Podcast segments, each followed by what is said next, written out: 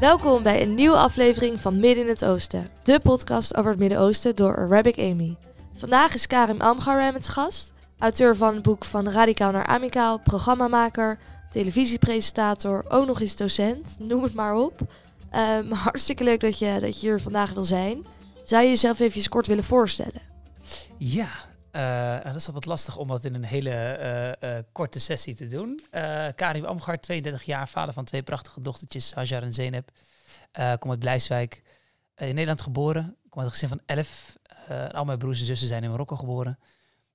Um, geef les nog steeds op het mbo en op het hbo één dag in de week. enorme liefde voor. Ik schrijf veel boeken, maar ook artikelen voor onder andere de NRC. Uh, mijn tweede boek komt um, over een aantal weken uit. Het gaat over kansongelijkheid in het onderwijs. En uh, daarnaast uh, geef ik, maak ik heel veel programma's voor de NTR. En dat doe ik voor tv en radio. En dit jaar mag ik weer twee mooie docu-series maken. Oké, interessant. Um, en ja, je bent gespecialiseerd in verschillende thema's, waaronder radicalisering. Ja. En om maar even meteen te beginnen bij het begin. wat houdt radicalisering precies Wat is dit voor een begrip? Dat is een goede vraag. Um, radicalisering, daar wordt meestal meteen gedacht aan, aan aanslagen, uh, bomgordels, uh, moorden met een machinegeweer om je heen schieten in een moskee of zo. maar radicalisering is veel meer dan dat. Um, hoe ik het altijd uitleg als ik met, met of studenten of met andere mensen erover praat, en zo beschrijf ik het ook in mijn boek, is wij spreken hier in Nederland of in het Westen of in het Midden-Oosten, spreken we met elkaar de norm af. En uh, die norm is bijvoorbeeld, uh, je gaat gekleed over, over straat. Hè, dat doe je niet naakt, dat doe je op een naaktstrand als je dat prettig zou vinden. Uh, je scheldt niet, um, je, je probeert anderen te helpen. Nou, dat is allemaal de norm. Op het moment dat je daar buiten zit, buiten die norm, dan ben je radicaal. Dan ben je niet meer normaal, dan ben je, ben je radicaal. Um, maar dat hoeft niet per se te betekenen dat dat negatief is. Uh, dat kan dus ook zo zijn dat je buiten de norm um, uh, uh, opereert. En dat het komt omdat je de norm zelf niet eerlijk vindt. Bijvoorbeeld de Dolomina's eind 1800, omdat de norm was: vrouwen stemmen gewoon niet. En als ze getrouwd zijn, dan mogen ze niet meer werken. Dat was de norm. En zij stappen daarbuiten, zijn radicaal om verandering teweeg te kunnen brengen. Oké, ehm, en zijn er dan ook verschillende vormen van radicalisme? Ja, zeker. Um, van, van linksextremisme tot uh, rechtsextremisme tot jihadistische radicalisering, uh, dus rechtsextremistische radicalisering. Je hebt milieuactivisten die enorm radicaliseren. Um, en, en daar heb je gewoon een aantal stappen in. En die stappen gaan van, van uh, zoals ik uitleg, uh, je hebt, het is een ideaal typisch model dat ik beschrijf in mijn boek um, gaat over de visueuze cirkel van radicalisering, waarbij je um, even voor, voor het voorbeeld begint bij activisme. Daar starten de meeste mensen in, hebben een, hebben een activistisch, activistisch karakter. willen opkomen voor, voor gelijke rechten, mensen die het niet goed hebben, noem maar op. En om maar een voorbeeld te geven, iemand die hier in Nederland leeft, zich heel erg bekommert over het lot van mensen in Syrië bijvoorbeeld. En uh, is daar boos over um, en spreekt zich daarover uit. Dan zit hij in die activistische rol.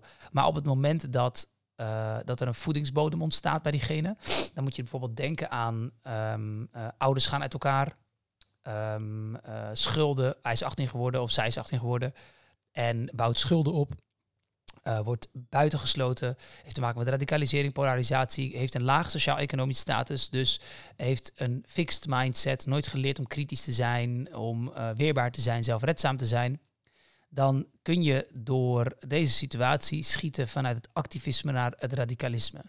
En dat betekent nog niet dat je mensen kwaad wil doen, maar dat je wel weer buiten die norm gaat, uh, gaat zitten. En um, ook dat hoeft nog niet per se slecht te zijn, maar op het moment dat het steeds slechter gaat met jou als persoon, dus steeds meer schulden, uh, ga zo maar door. En ronselaars die komen steeds dichter bij je. En je merkt dat dat steeds lastiger wordt vanwege de komst van social media. Dan schiet je vanuit het uh, radicalisme en het extremisme. En het verschil daartussen is dat je geweld goedkeurt. Dan pas je het nog niet toe, maar dan kun je het wel goed. En de laatste stap is, als het dus nog slechter gaat in die cirkel, en er zijn steeds meer mensen die invloed op je hebben en je proberen ook zover te krijgen om echt daadwerkelijk iets te doen, dan schiet je in terrorisme. En dan ga je ook daadwerkelijk iets doen. Dan pas je geweld toe om een bepaald doel voor jouw groep, waar jij je uh, toe verhoudt, um, middels geweld zover te krijgen. Dus bijvoorbeeld een aanslag plegen, maar het kan ook zo zijn dat je mensen bedreigt. Um, nou, dat zorgt voor haat en onbegrip. Bij de countergroup, zeg even de westerse Nederlanders, dat zorgt weer voor polarisatie. Je ontmoet elkaar niet meer. Um, uh, dat zorgt voor angst. En als, dat allemaal als je dat allemaal zo creëert, daarom een visuele cirkel, dan krijg je dus bij, bij een aantal westers-Nederlandse mensen rechtsextremistische radicalisering. Die weer vanuit activisme naar radicalisme, naar extremisme, et cetera. Precies hetzelfde patroontje. En zo blijf je steeds gepolariseerd in die cirkel. Oké, dus uh, als ik het zo goed begrijp, is radicalisme zelf niet per se heel erg. Dat, dat zou geen probleem moeten zijn. Uh, maar toch zijn er rondom het begrip radicalisering altijd heel veel negatieve gedachten en, en gevoelens hierbij. Uh, maar hoe komt dit dan, denk je?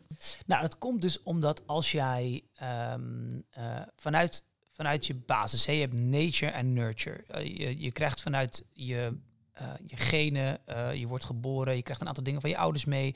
Daar zit dus ook een soort, soort activistisch karakter uh, kan daarin zitten. Iets, iets wat je ook door middel van nurture kunt krijgen, door opvoeding kunt krijgen. Maar er zijn ook een aantal dingen van, die je vanuit de natuur meekrijgt. Nou, en als je dus um, in een gezin opgroeit met een laag sociaal-economische status, dan is het minder vanzelfsprekend dat je met je ouders thuis uh, over de actualiteiten praat. Over, uh, nou ja, er is iets gebeurd op, op, uh, op de speelplaats ergens in groep 6. dat je je kind um, helpt kritisch na te denken over de situatie, hand in eigen boezem. Je bent ergens niet aangenomen. Laten we daar eens over nadenken. Misschien kan papa of mama je helpen. Um, geen netwerk. ga ze maar door. Allemaal opstapelingen van uitdagingen die je hebt als je een laag sociaal-economische status hebt en dan ook nog eens op zoek gaat naar je identiteit, dan kun je dus in het radicalisme terechtkomen. En het radicalisme, als je daar eenmaal in zit, en je hebt die kritische denkvaardigheden niet, er zijn geen remmende factoren, hè, er zijn geen mensen in je omgeving die je, die je helpen om, om uh, juist uiteindelijk wel weer uh, terug te komen tot het activisme, iets wat helemaal niet slecht is. Maar daarentegen zijn die remmende factoren vervangen door ronselaars te vergelijken met Loverboys, zeg ik altijd. Loverboys en ronselaars hebben dezelfde werkmethodiek, uh, dezelfde werkvormen. Ze zoeken je op, uh, ze spelen in op je onzekerheden, um, praten je vooral naar de mond. Oh ja, ja, die westerse Nederlanders, oh ja, ze willen je hier niet hebben, ga ze maar door. Geldt voor ronselaars bij rechtsextremisme idem dito, die tegen zeggen, ja, zie je wel, die moslims die veranderen ons land en zij zijn degene die verantwoordelijk zijn voor alle veranderingen en alle chaos en corona misschien ook nog wel en ga ze maar door.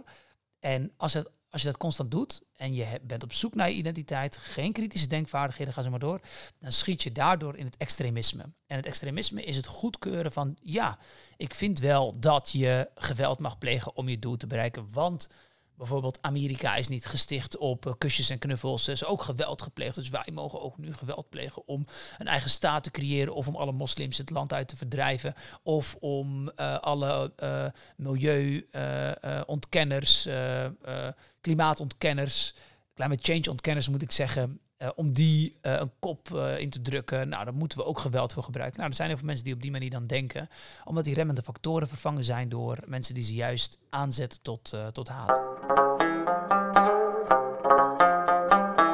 Dus je zegt dat, dat de achtergrond van zo'n persoon die, die radicaliseert, dat het milieu waar die vandaan komt eigenlijk heel belangrijk is. Maar hoe moeten we dit voor ons zien? Kunnen we echt zeggen dat, dat het door familie komt? Of ja, wat is de rol van familie en, en vrienden op zo'n radicaliseringsproces? Ja, heel groot, omdat um, er zijn, er zijn um, nauwelijks voorbeelden van mensen die geradicaliseerd zijn, die van de middenklasse en de hoge klasse komen los van um, uh, Al-Qaeda of zo. Hè. Dan heb je Bin Laden, die, uh, die totaal niet uit een gezin kwam met armoede. Hè. Die ze had, heeft, een, heeft een hele rijke familie. Had een hele rijke familie, moet ik zeggen. En de rest, die we hier in, in, in het Westen treffen, of mensen in het Midden-Oosten treffen, of mensen die rechtsextremistisch radicaliseren en een moskee in Nieuw-Zeeland binnenstappen met een, met een machinegeweer die mensen die hebben over het algemeen een lage sociaal-economische status, wat vaak gekoppeld gaat met een, het hebben van een fixed mindset, het hebben van weinig uh, zelfredzaamheid en weerbaarheid. En als je dus familie om je heen hebt, die jou vanaf jongs af aan al voorlezen voor het slapen gaan, samen met je eten en de dag doornemen, Uh, samen met je nadenken over de actualiteit. Samen met je naar een musea of naar theater gaan. En daarna ook nog eens de mogelijkheid hebben om met je te filosoferen. Weet je wel, na te denken over wat er nou eigenlijk gebeurt uh, in zo'n museum. Nou ja, je kunt je voorstellen dat als je dat tegen iemand zegt met een laag sociaal-economische status, met een met nauwelijks, die tegen de armoedegrens aan leeft, dan praat je over 1000 euro 60 per maand. Dat is iedere avond macaroni en ketchup, uh, stress en, en gezeur thuis. Nou, je moet er dus voor zorgen dat die mensen dat niet hebben, want dan kunnen, kunnen die dat ook doen. Als ik dit dus zou vertellen uh, tegen, tegen zo iemand met, met een lage sociaal-economische status, dan zegt hij, waar heb je het over filosoferen? Ik moet ervoor zorgen dat er brood op plank komt, dat de, zowel de geschreven als de ongeschreven schulden die ik bij familie heb, bijvoorbeeld, uh, om die weg te werken. Nou, die, die stresscomponenten en dus, dus het leven tegen die armoedegrens aan zorgt er dus ook voor dat de punten van je IQ afgaan. Niet omdat je dommer bent, maar omdat je minder in staat bent om jezelf te ontwikkelen, omdat je constant bezig bent met overleven. Nou, dat is bij jou zo en dat slaat ook weer door op je kinderen vervolgens. Um, waardoor die uh, kinderen ook een aantal punten van hun IQ afkrijgen, gevoeliger zijn voor uh, uh, daardoor radicalisering. En is het dan ook zo dat voor personen als ze merken dat vrienden bijvoorbeeld heel veel bezig zijn met terroristische organisaties en zich veel hiermee bemoeien, zal ik maar zeggen, um, dan, ja, dan, dan heeft dit natuurlijk ook weer negatieve invloed op zo'n persoon. Zeker, dus als je thuis uh, uh, ouders hebt, ik geef altijd het voorbeeld, hè, ik heb wel eens dialogen met, met, met kinderen, soms uh, groep 7, groep 8, maar ook leerjaar 1, 2 van het voortgezet onderwijs. En dan hoor ik soms uitspraken waarvan ik 100% weet dat, dat dit uitspraken zijn van bijvoorbeeld broers, zussen of ouders, die dan nieuwsuur kijken en het gaat over, over die 500 vluchtelingenkinderen die in Nederland opgenomen zouden moeten worden. En een ouder roept, verdomme, we, we nemen al zoveel vluchtelingen op, ben ik klaar mee en ze veranderen hier ons land en onze vrouwen zijn onveilig. Nou, ik veel, zoiets. Dat roept hij dan. Die ouder kan nog redelijk relativeren. Als hij straks de deur uitgaat, weet hij... oké, dit moet ik uh, meer in mijn hoofd houden... of dit moet ik niet uitspreken, wat nog steeds verschrikkelijk is. Maar dat kind weet dat niet. Die heeft die filter helemaal niet. Um, en die gaat dus naar school toe en die zegt dit soort dingen. En dat geldt ook over vrienden. Als, jou, als jouw peers op straat... Uh, uh, mensen zijn die ook net als jij denken... dan zijn die remmende factoren dus vervangen voor juist mensen die die kant op duwen. Ja, en um, hoe spelen bijvoorbeeld terroristische organisaties zoals de Islamitische Staat hier, hierop in, op die processen van radicalisering? Uh, nou, die weten, die weten dat, uh, dat het heel goed is als je kijkt naar de visuele cirkel die ik net omschreef, om angst te creëren. Want als je dus angst creëert, dan creëer je dus uh, polarisatie. En die polarisatie zorgt voor haat en onbegrip. omdat je namelijk, hè, als jouw enige encounter, om maar een voorbeeld te geven, jouw enige ontmoeting of enige uh, hetgeen wat je in je hoofd hebt over de ander opsporing verzocht is bijvoorbeeld, dan heb je dus een heel beperkt uh, beeld over de ander. Dan heb je een hele beperkte referentiekader. Als jij het enige wat jij weet over moslims gaat over IS, dan heb je dus een hele beperkte referentiekader. Uh, dan kun je dus nauwelijks anders denken. Dan heb je grote, dikke, vette ankantjes, bias, onbewuste vooroordelen over mensen die je eigenlijk nauwelijks ontmoet. En dat is wat ze willen. Uh, IS, maar ook uh, uh, nou, een aantal mensen die op dit moment in de Tweede Kamer zitten. Um, die hebben er baat bij als je elkaar wat minder ontmoet. En als je, als je wat minder genuanceerd bent. Um, als je stevig tegenover elkaar staat. Want dat, dat is hun bestaansrecht. En um, dat is slecht. Want ik wil daar niet mee zeggen dat er mensen in de Tweede Kamer zitten die net als ISIS zijn. Maar dat die baat hebben bij die polarisatie. En dat is, dat, is, dat is wat ik kwalijk vind. We moeten baat hebben bij die liefde en die verbinding om dichter bij elkaar te komen. Omdat die liefde en verbinding ervoor zorgt dat je je referentiekader verbreedt. En die daardoor minder negatieve onbewuste vooroordelen hebben. En dat je wat meer realistische onbewuste vooroordelen hebt over elkaar. Uh, wat een, wat, hè, want onbewuste vooroordelen hebben we allemaal. En het is goed als je die vanuit real, realiteit kunt uh, beïnvloeden. Door te gaan ontmoeten. En um, uh, hoe zij erop inspelen is door, door te zorgen dat er meer angst gecreëerd wordt. Hè? Want van de, van de um, ja, wat zal het zijn, 1,7 tegenwoordig, 1,7 miljard uh, moslims over de hele wereld, um, uh, maakt dus 0,00001 procent zich schuldig aan, aan aanslagen. En de rest van de 99,999 niet. En hoe komt het nou dan toch dat die, die, die 99,9999%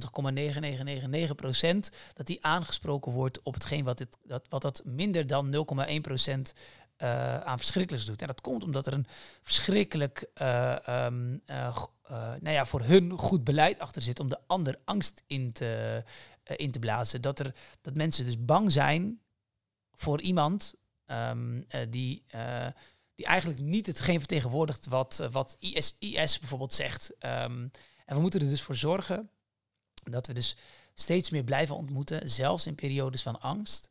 Omdat je op die manier pas echt kunt zorgen dat die uh, referentiekader verbreedt en dat die negatieve onbewuste vooroordelen realistische onbewuste vooroordelen worden. Als we even kijken naar bijvoorbeeld Nederlanders die, die naar Syrië zijn vertrokken, naar het kalifaat, naar, naar de islamitische staat. Um, hoe komt het dat iemand op zo'n punt staat om alles achter te laten en, en zich dan bij zo'n terroristische organisatie aan te sluiten? Hoe ver in zo'n in zo'n radicaliseringsproces zit je dan? Je bent ver, uh, je bent al ver heen, maar je moet je voorstellen dat als je uh, uh, pijn op pijn op pijn ervaart, dat je dan op een gegeven moment gaat zoeken naar uh, een mogelijkheid om uit die pijn te kunnen komen. En um, nou, Naomi Eisenberger is een, uh, een neurowetenschapper uit Amerika. En die doet dus her, onderzoek naar, naar prikkels in, in, de hersenen. En een van de baanbrekende uh, dingen waar zij uh, achter gekomen is, is dat uh, nou, deed onderzoek naar het verschil tussen liefdesverdriet en tegen een deur oplopen. Dus fysieke pijn en sociale pijn. Uitsluiting versus een klap op je gezicht krijgen. En die kwam er dus achter dat dezelfde delen in je hersenen oplichten. Eigenlijk redelijk een open deur. Hè? Dus fysieke pijn en sociale pijn doen echt pijn, allebei. Ook in je hart. Liefdesverdriet doet ook gewoon echt pijn voor heel veel mensen. maar dus dat is, dat, is, dat is tricky, dat weet je. En Nathan de Wal, ook een neurowetenschapper, heeft er vervolgonderzoek naar gedaan. En die kwam er dus achter dat als je dus die sociale pijn of fysieke pijn, dat die delen in je hersenen oplichten, dat het wraakgevoelens opbouwt om wraak te kunnen nemen. Nou, als je dus niet geleerd hebt om om te kunnen gaan met die emotie, met die wraakemoties, als je thuis niet te horen hebt gekregen, schat, ruzie zoeken heeft geen nut, uh, ga nou praten met diegene, want dat is echt iets waar je voor de lange termijn meer aan hebt. Uh, als je die dingen dus nooit geleerd hebt, dan grijp je dus steeds naar die wraakgevoelens. En constant sociale pijn ervaren zorgt er dus voor dat je constant wraakgevoelens opbouwt die je eigenlijk nauwelijks kunt uiten en nauwelijks over kunt praten.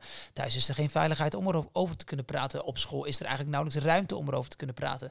Nou, je moet je dus voorstellen als je al deze sociale pijn bij elkaar optelt, voedingsbodem, die wordt steeds dikker. Je ouders gaan uit elkaar, dat zie je vaak ook. Je bouwt schulden op, zie je vaak ook. Uh, veel ruzies in de omgeving. Je bent op zoek naar je identiteit. Nou, en als je dus op zoek gaat naar je identiteit, dan ga je op zoek naar iets krachtigs, iets sterks. Nou, dat kan bijvoorbeeld je nationaliteit zijn. Hè. De, de, als je het hebt over rechtsextremistische radicalisering, dan heb je het over de Nederlandse nationaliteit. Die gaat over, dit is ons land. En het gaat zo maar door. En wat echt pijn is, wat ik niet wil bagatelliseren helemaal. Dat is gewoon echte pijn die mensen heel veel hebben. Versus iemand die bijvoorbeeld zegt, ik ga op zoek naar mijn islamitische identiteit. Want dat is wie ik ben. Ook weer pijn, wat daar echt heel erg onder zit. En dan gaan ze daarachter schuilen.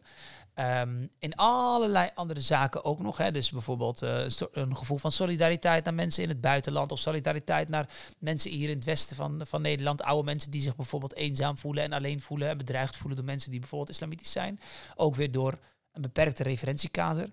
Um, nou, en dan ga je je daar dus achter uh, schralen. En dan ga je dus constant op zoek daarnaar. En dan krijg je dus een heel klein percentage van heel. Er zijn meerdere mensen die radicaliseren, maar uiteindelijk gewoon weer hun weg vinden. Als een soort proces of in, in de puberteit hebben gezeten en dat hebben, meegemaakt hebben.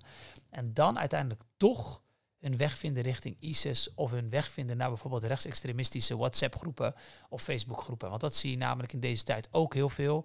Een groeiende opkomst van rechtsextremisme en rechtsextremistische radicalisering. En vooral op hele jonge leeftijd. En Nieuwsuur heeft een onderzoek naar gedaan. Een van de grootste uh, rechtsextremistische groepen um, in Europa is opgericht door iemand van 13. Uh, eh, achter een computer met een Facebookgroep. Um, en dat zie je bij islamitische, uh, islamitisch moet ik niet zeggen, jihadistische, jihadistisch geradicaliseerde groepen zie je dat ook. Zie je dat ze opgericht worden door mensen die vaak wat jonger zijn, boosheidsgevoel hebben hier in het Westen bijvoorbeeld. En hele enge strategieën gebruiken om de ander angst in te boezemen. En hoe zit het hier in Nederland? Zijn er veel geradicaliseerde jongeren? Nou ja, dat, valt, dat is natuurlijk lastig om, om uh, in te schatten, omdat er heel veel mensen ook niet op de kaart zijn. Um, uh, en als je dus het klaslokaal inloopt en je geen veiligheid creëert, dan kom je er eigenlijk ook niet achter. Um, en als iemand dan weer deradicaliseert in dat proces, uh, nooit is afgereisd, nooit een wapen heeft opgepakt, thank God, hè, ik bedoel, daar moeten we blij mee zijn. Um, dan kom je dus ook niet achter of dat iemand is geweest die geradicaliseerd is. En dat maakt het dus ook zo lastig. Uh, dat je er pas achter kunt komen als iemand ehm, op de radar is van de AIVD of de NCTV of in mijn ogen veel belangrijker ehm, in het zicht is op de radar is voor leerkrachten om het preventief of nog curatief in een vroege fase te kunnen aanpakken. Is het dan al te laat? Nou ja, dan is, dan is iemand wel al in een radicaliseringsproces. En uh, je, ik, mijn voorkeur uh, is dat je dat al veel vroeger doet. En dat je dat activisme eerder gebruikt dan dat je het tegengaat. En um, uh, Stijn Siekelink is een schrijver die ik niet zo heel lang geleden nog gesproken heb voor een, um, een, een, een, podcast toevallig um, die ik maak over onderwijs, die het boek geschreven heeft, Re-radicaliseren. Die zegt, je moet juist gebruik maken van de mensen die geradicaliseerd zijn om radicalisering aan te pakken, zodat je echt weet wat er bij hun speelt in hun hoofd, om vervolgens uh, zelf de stap te kunnen maken om die radicalisering aan te kunnen pakken. En uh, hoe wordt deze radicalisering aangepakt? Wat doet de overheid om, uh, om de, dit proces tegen te gaan? Wordt er veel aandacht aan, aan de preventie hiervan gegeven? Jazeker. Uh, NCTV, uh, AIVD doen een hoop als het gaat om curatief. Uh, maar er zijn ook heel veel um, pilots gedraaid, maar ook stevige aanpakken. Zoals bijvoorbeeld Stichting School en Veiligheid wordt heel stevig ingezet door het hele land om radicalisering en polarisatie aan te pakken in het klaslokaal, maar ook daarbuiten. Waarbij professionals worden getraind om radicalisering te herkennen en om aan te pakken. En dat vind ik een geweldige methodiek. De Stichting School en Veiligheid is één partij die door de overheid uh, um, heel erg ingezet wordt. Door middel van dialoog, door middel van herkennen van processen, um, door uh, trainen-trainen programma's waarbij je leerkrachten de vaardigheden leert om, om het aan te kunnen pakken. Ja, dus er gebeurt een hoop, maar in mijn ogen nog steeds niet genoeg omdat we vaak pas op onze hoede zijn en ermee aan de slag gaan en het heel veel aandacht krijgt op het moment dat er een aanslag is. En uh, nou, nu in Nederland, corona um, uh, heeft nu, krijgt nu de meeste aandacht. Um, los van het feit dat Samuel Paty uh, recentelijk nog, uh, nog onthoofd is, wat natuurlijk uh, bizar is en al heel snel weer vergeten is. En bij mij blijft dat gewoon altijd in mijn hoofd zitten. Dat ik denk, hé, hey, dit soort dingen die zijn er gewoon gebeurd, pas geleden nog. Dat moeten we niet vergeten. We moeten het, we moeten het ook niet... normaal is niet het juiste woord, maar ons hoofd vindt het niet zo gek meer. Uh, we processen het veel sneller en uh, ja, let's go, we gaan weer door. Het is zielig, het is erg. Oké, media-aandacht en we gaan weer slapen en we gaan weer door. Nee, we moeten er echt voor zorgen dat we uh, scherp blijven, dat we meer blijven verbinden. want op die manier kun je het preventief aanpakken. Het gevaar is alleen, nou het gevaar niet, maar het vervelende is alleen dat als je het preventief wilt aanpakken en er zijn uiteindelijk geen aanslagen, kun je dus nooit één op één zeggen, doordat wij zo geïnvesteerd hebben in verbinding is er geen radicalisering. Waardoor het lastig is om te onderzoeken of je aanpak ook effectief is geweest. Ja. Nou, ik noemde het uh, in de introductie ook al even kort. Uh, je hebt namelijk een boek geschreven over dit onderwerp, van radicaal naar amicaal. Uh, maar wat schrijf je hier precies in en wat is eigenlijk het doel van, van dit boek? Nou, ik ben, uh, nou ja, ik werk nu al een jaar of tien in het onderwijs. En uh, ja, zeker na een jaar of anderhalf jaar ongeveer kwam ik er dus achter dat dit soort dingen heel stevig speelden in het onderwijs. Radicalisering, polarisatie, uh, maar ook gewoon jongeren die zich niet gehoord en niet gezien voelen. En dat, dat, het onderwijs daar niet op ingericht is. Niet omdat ze het niet willen, hè, want niemand werkt in het onderwijs om kindjes of jongeren te pesten, zeg ik altijd maar. En al die teamleiders en, en, en onderwijsmanagers en beleidsmakers en, en directeuren hebben zeker in het onderwijs uh, het beste beetje voor met die, met die jongeren. En, en kinderen in, in het geval van uh, basisonderwijs bijvoorbeeld. Maar dat neemt nog niet weg dat als je niet vanuit die praktijk dit soort dingen ziet, dat, uh, nou, dat je beleid gewoon niet één op één aansluit op wat er eigenlijk nodig is. Nou, want in het onderwijs bouw je namelijk aan het fundament van een goed werkende samenleving. Daar moet je stevig bouwen. Daar kun je ervoor zorgen dat die basis zo sterk is, dat ook al krijgen ze thuis niet alles mee, hè, krijgen ze thuis die fixed mindset mee, dat jij ze op school kunt leren dat die growth mindset veel belangrijker is en hoe je uiteindelijk ook tot die growth mindset kunt komen. En nou, toen ik daar dus achter kwam, toen ben ik me veel meer gaan inzetten om dit soort stevige thema's aan te pakken door omgangskunde te geven. En binnen omgangskunde uh, kwamen heel veel uh, nou, sociale vaardigheden aanleren. Dat soort zaken kwamen heel veel voor. En die sociale vaardigheden aanleren, dat waren uh, preventieve middelen om radicalisering, polarisatie, maar ook criminaliteit en dat soort zaken aan te pakken. En dat zorgde voor veel veiligheid in het klaslokaal. Toen ik daar dus achter kwam, toen ben ik veel trainingen gaan geven in, door het hele land. Ben ik er onderzoek naar gaan doen. ehm, en ben ik heel veel van mijn eigen praktijkverhalen, maar ook praktijkverhalen van de omgeving die ik ben gaan observeren, ben ik gaan opschrijven. Totaal niet met de intentie om een boek erover te schrijven, maar gewoon om onderzoek ernaar te doen. En uiteindelijk heb ik daar iets over gepubliceerd. Vervolgens heb ik, daar, eh, heb ik dat gebundeld. En eh, nou, per toeval ehm, eh, in 2018, ehm, begin 2018, werd ik uitgenodigd om de koning en koningin te gaan ontmoeten vanwege mijn werk. Eh, en nou, daar was ik super blij mee, eh, die erkenning.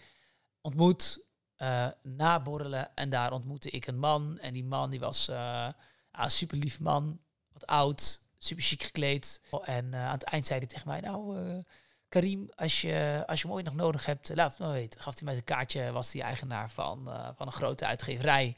En toen zei ik, nou, ik heb toevallig iets op de plank. Eh, ik weet echt niet of het iets is. Eh, zou je er een keer naar willen kijken? Hij zei, ik ga er persoonlijk naar kijken. En de dag daarna zei hij, eh, ja, dit is echt gewoon heel goed. Dit moeten we gaan uitgeven. Eh, nou, veranderd uitgegeven. Omdat ik namelijk in het boek heel veel praktijkvoorbeelden laat zien zowel goede als, als praktijkvoorbeelden waarbij ik het niet goed gedaan heb, waarbij iemand juist in, in dat proces van radicalisering is versneld door mijn eigen emotie, omdat je als leerkracht daar ook staat met je eigen emotie. En hoe je daarvan kunt leren en welke werkvormen er geweldig zijn om, eh, om radicalisering te voorkomen. En het doel is dus om eh, mensen te laten zien dat fouten, make- maken oké is, dat radicalisering soms eng is, uh, maar dat je, dat je echt met de juiste middelen radicalisering als leerkracht kunt voorkomen. Dat je dus echt goud in handen hebt. Ja, nou wat goed. Dat klinkt inderdaad als een heel leerzaam en waardevol boek. Uh, maar waarom denk je dan dat het eigenlijk zo belangrijk is dat mensen hier meer over te weten komen? Um, nou, dan kom ik eigenlijk meteen bij mijn laatste vraag. namelijk, want kunnen wij iets als Nederlanders, kunnen wij iets aan, aan dit probleem doen of een positieve bijdrage leveren? Ja, een hoop. Uh, wat je kunt doen is uh, veel meer investeren in elkaar. Uh, een participatiesamenleving, zeg ik altijd, komt niet aangeweid. Een participatiesamenleving moet je in investeren. Dat betekent dat je ook in elkaar moet investeren. Dat we af moeten van het individualisme waar we de afgelopen twintig jaar naartoe zijn gegaan. Um, we hebben een echt wel een goede periode gehad, zo um, eind 1900, um, waarbij we veel meer in elkaar zijn gaan investeren. En daar moeten we weer naartoe. We moeten weer naartoe dat we elkaar gaan vertrouwen. dat we best, best elkaar kunnen vertrouwen en dan soms even een keertje dat een keertje fout gaat. Maar ik geloof heilig dat, uh, dat jij een spiegel bent van mij en ik van jou. Dus als ik jou vertrouw, uh, dat ik dat van jou terugkrijg. Ik merk dat bij studenten altijd, waar ik ook ben, ik laat mijn spullen altijd liggen. Niet dat het nou raar is, maar mijn studenten zeggen altijd tegen mij: hey meneer, waarom laat u spullen nou liggen? Je weet me nooit, misschien raak ik het kwijt. Ik zeg: nee, ik vertrouw jullie. Ik heb nog nooit meegemaakt dat iemand ooit iets van mij gestolen heeft. Uh, omdat je dat vertrouwen oprecht vanuit je hart moet hebben voor elkaar. En dan krijg je dat uiteindelijk altijd terug. En dat geldt voor de samenleving ook. Heb vertrouwen in elkaar. Investeer in elkaar. Uh, heb geen wantrouwen. Um, durf naar elkaar toe te gaan. Durf met elkaar in gesprek te gaan. Alleen dan kunnen we een participatiesamenleving creëren. En durf ook gewoon weer risico te nemen. Met alle respect zeg ik dat. Durf gewoon weer risico te nemen. Om een beetje weer lekker links te stemmen. Om, om er voor elkaar te zijn. Om te nivelleren. Om te kunnen delen. Dat die taart van ons allemaal is. En dat we best met elkaar kunnen investeren. Tuurlijk, als je harder werkt. Je, je maakt uh, freaking 12, 14 uur per dag. Um, je hebt uh, de helft van je leven gestudeerd. Dat je voor jezelf het gevoel hebt. Ik mag best wel wat meer verdienen. Ja, oké, dat snap ik echt wel. Um, maar vergeet niet de mensen die ook, uh, ik zeg dan aan de onderkant, heel on oneerbiedig, dat bedoel ik natuurlijk helemaal niet zo aan de onderkant, als die laagste laag van de samenleving, die kaart aan het werk zijn om die motor van onze economie draaiende te houden. De stratenmakers, de schoonmakers, de vuilnismensen, de, ga ze maar door. Dat we die gaan helpen om ervoor te zorgen dat zij hun kinderen ook zodanig kunnen opvoeden dat die hun volle potentie kunnen bereiken. En dan kunnen we radicalisering aanpakken. Want het begint echt bij een laag sociaal-economische status. Want radicalisering kent geen identiteit, kansongelijkheid kent geen identiteit, kent geen religie. Het kent alleen maar sociaal-economische status. En als we dat gaan verhelpen, uh, we hoeven daar niet iedereen rijk mee te maken, maar wel iedereen ook bij die laagste laag de vaardigheden te, bieden om uh, hun kinderen zodanig op te voeden dat ze een growth mindset hebben en hun volle potentie kunnen bereiken willen, als ze dat zouden willen.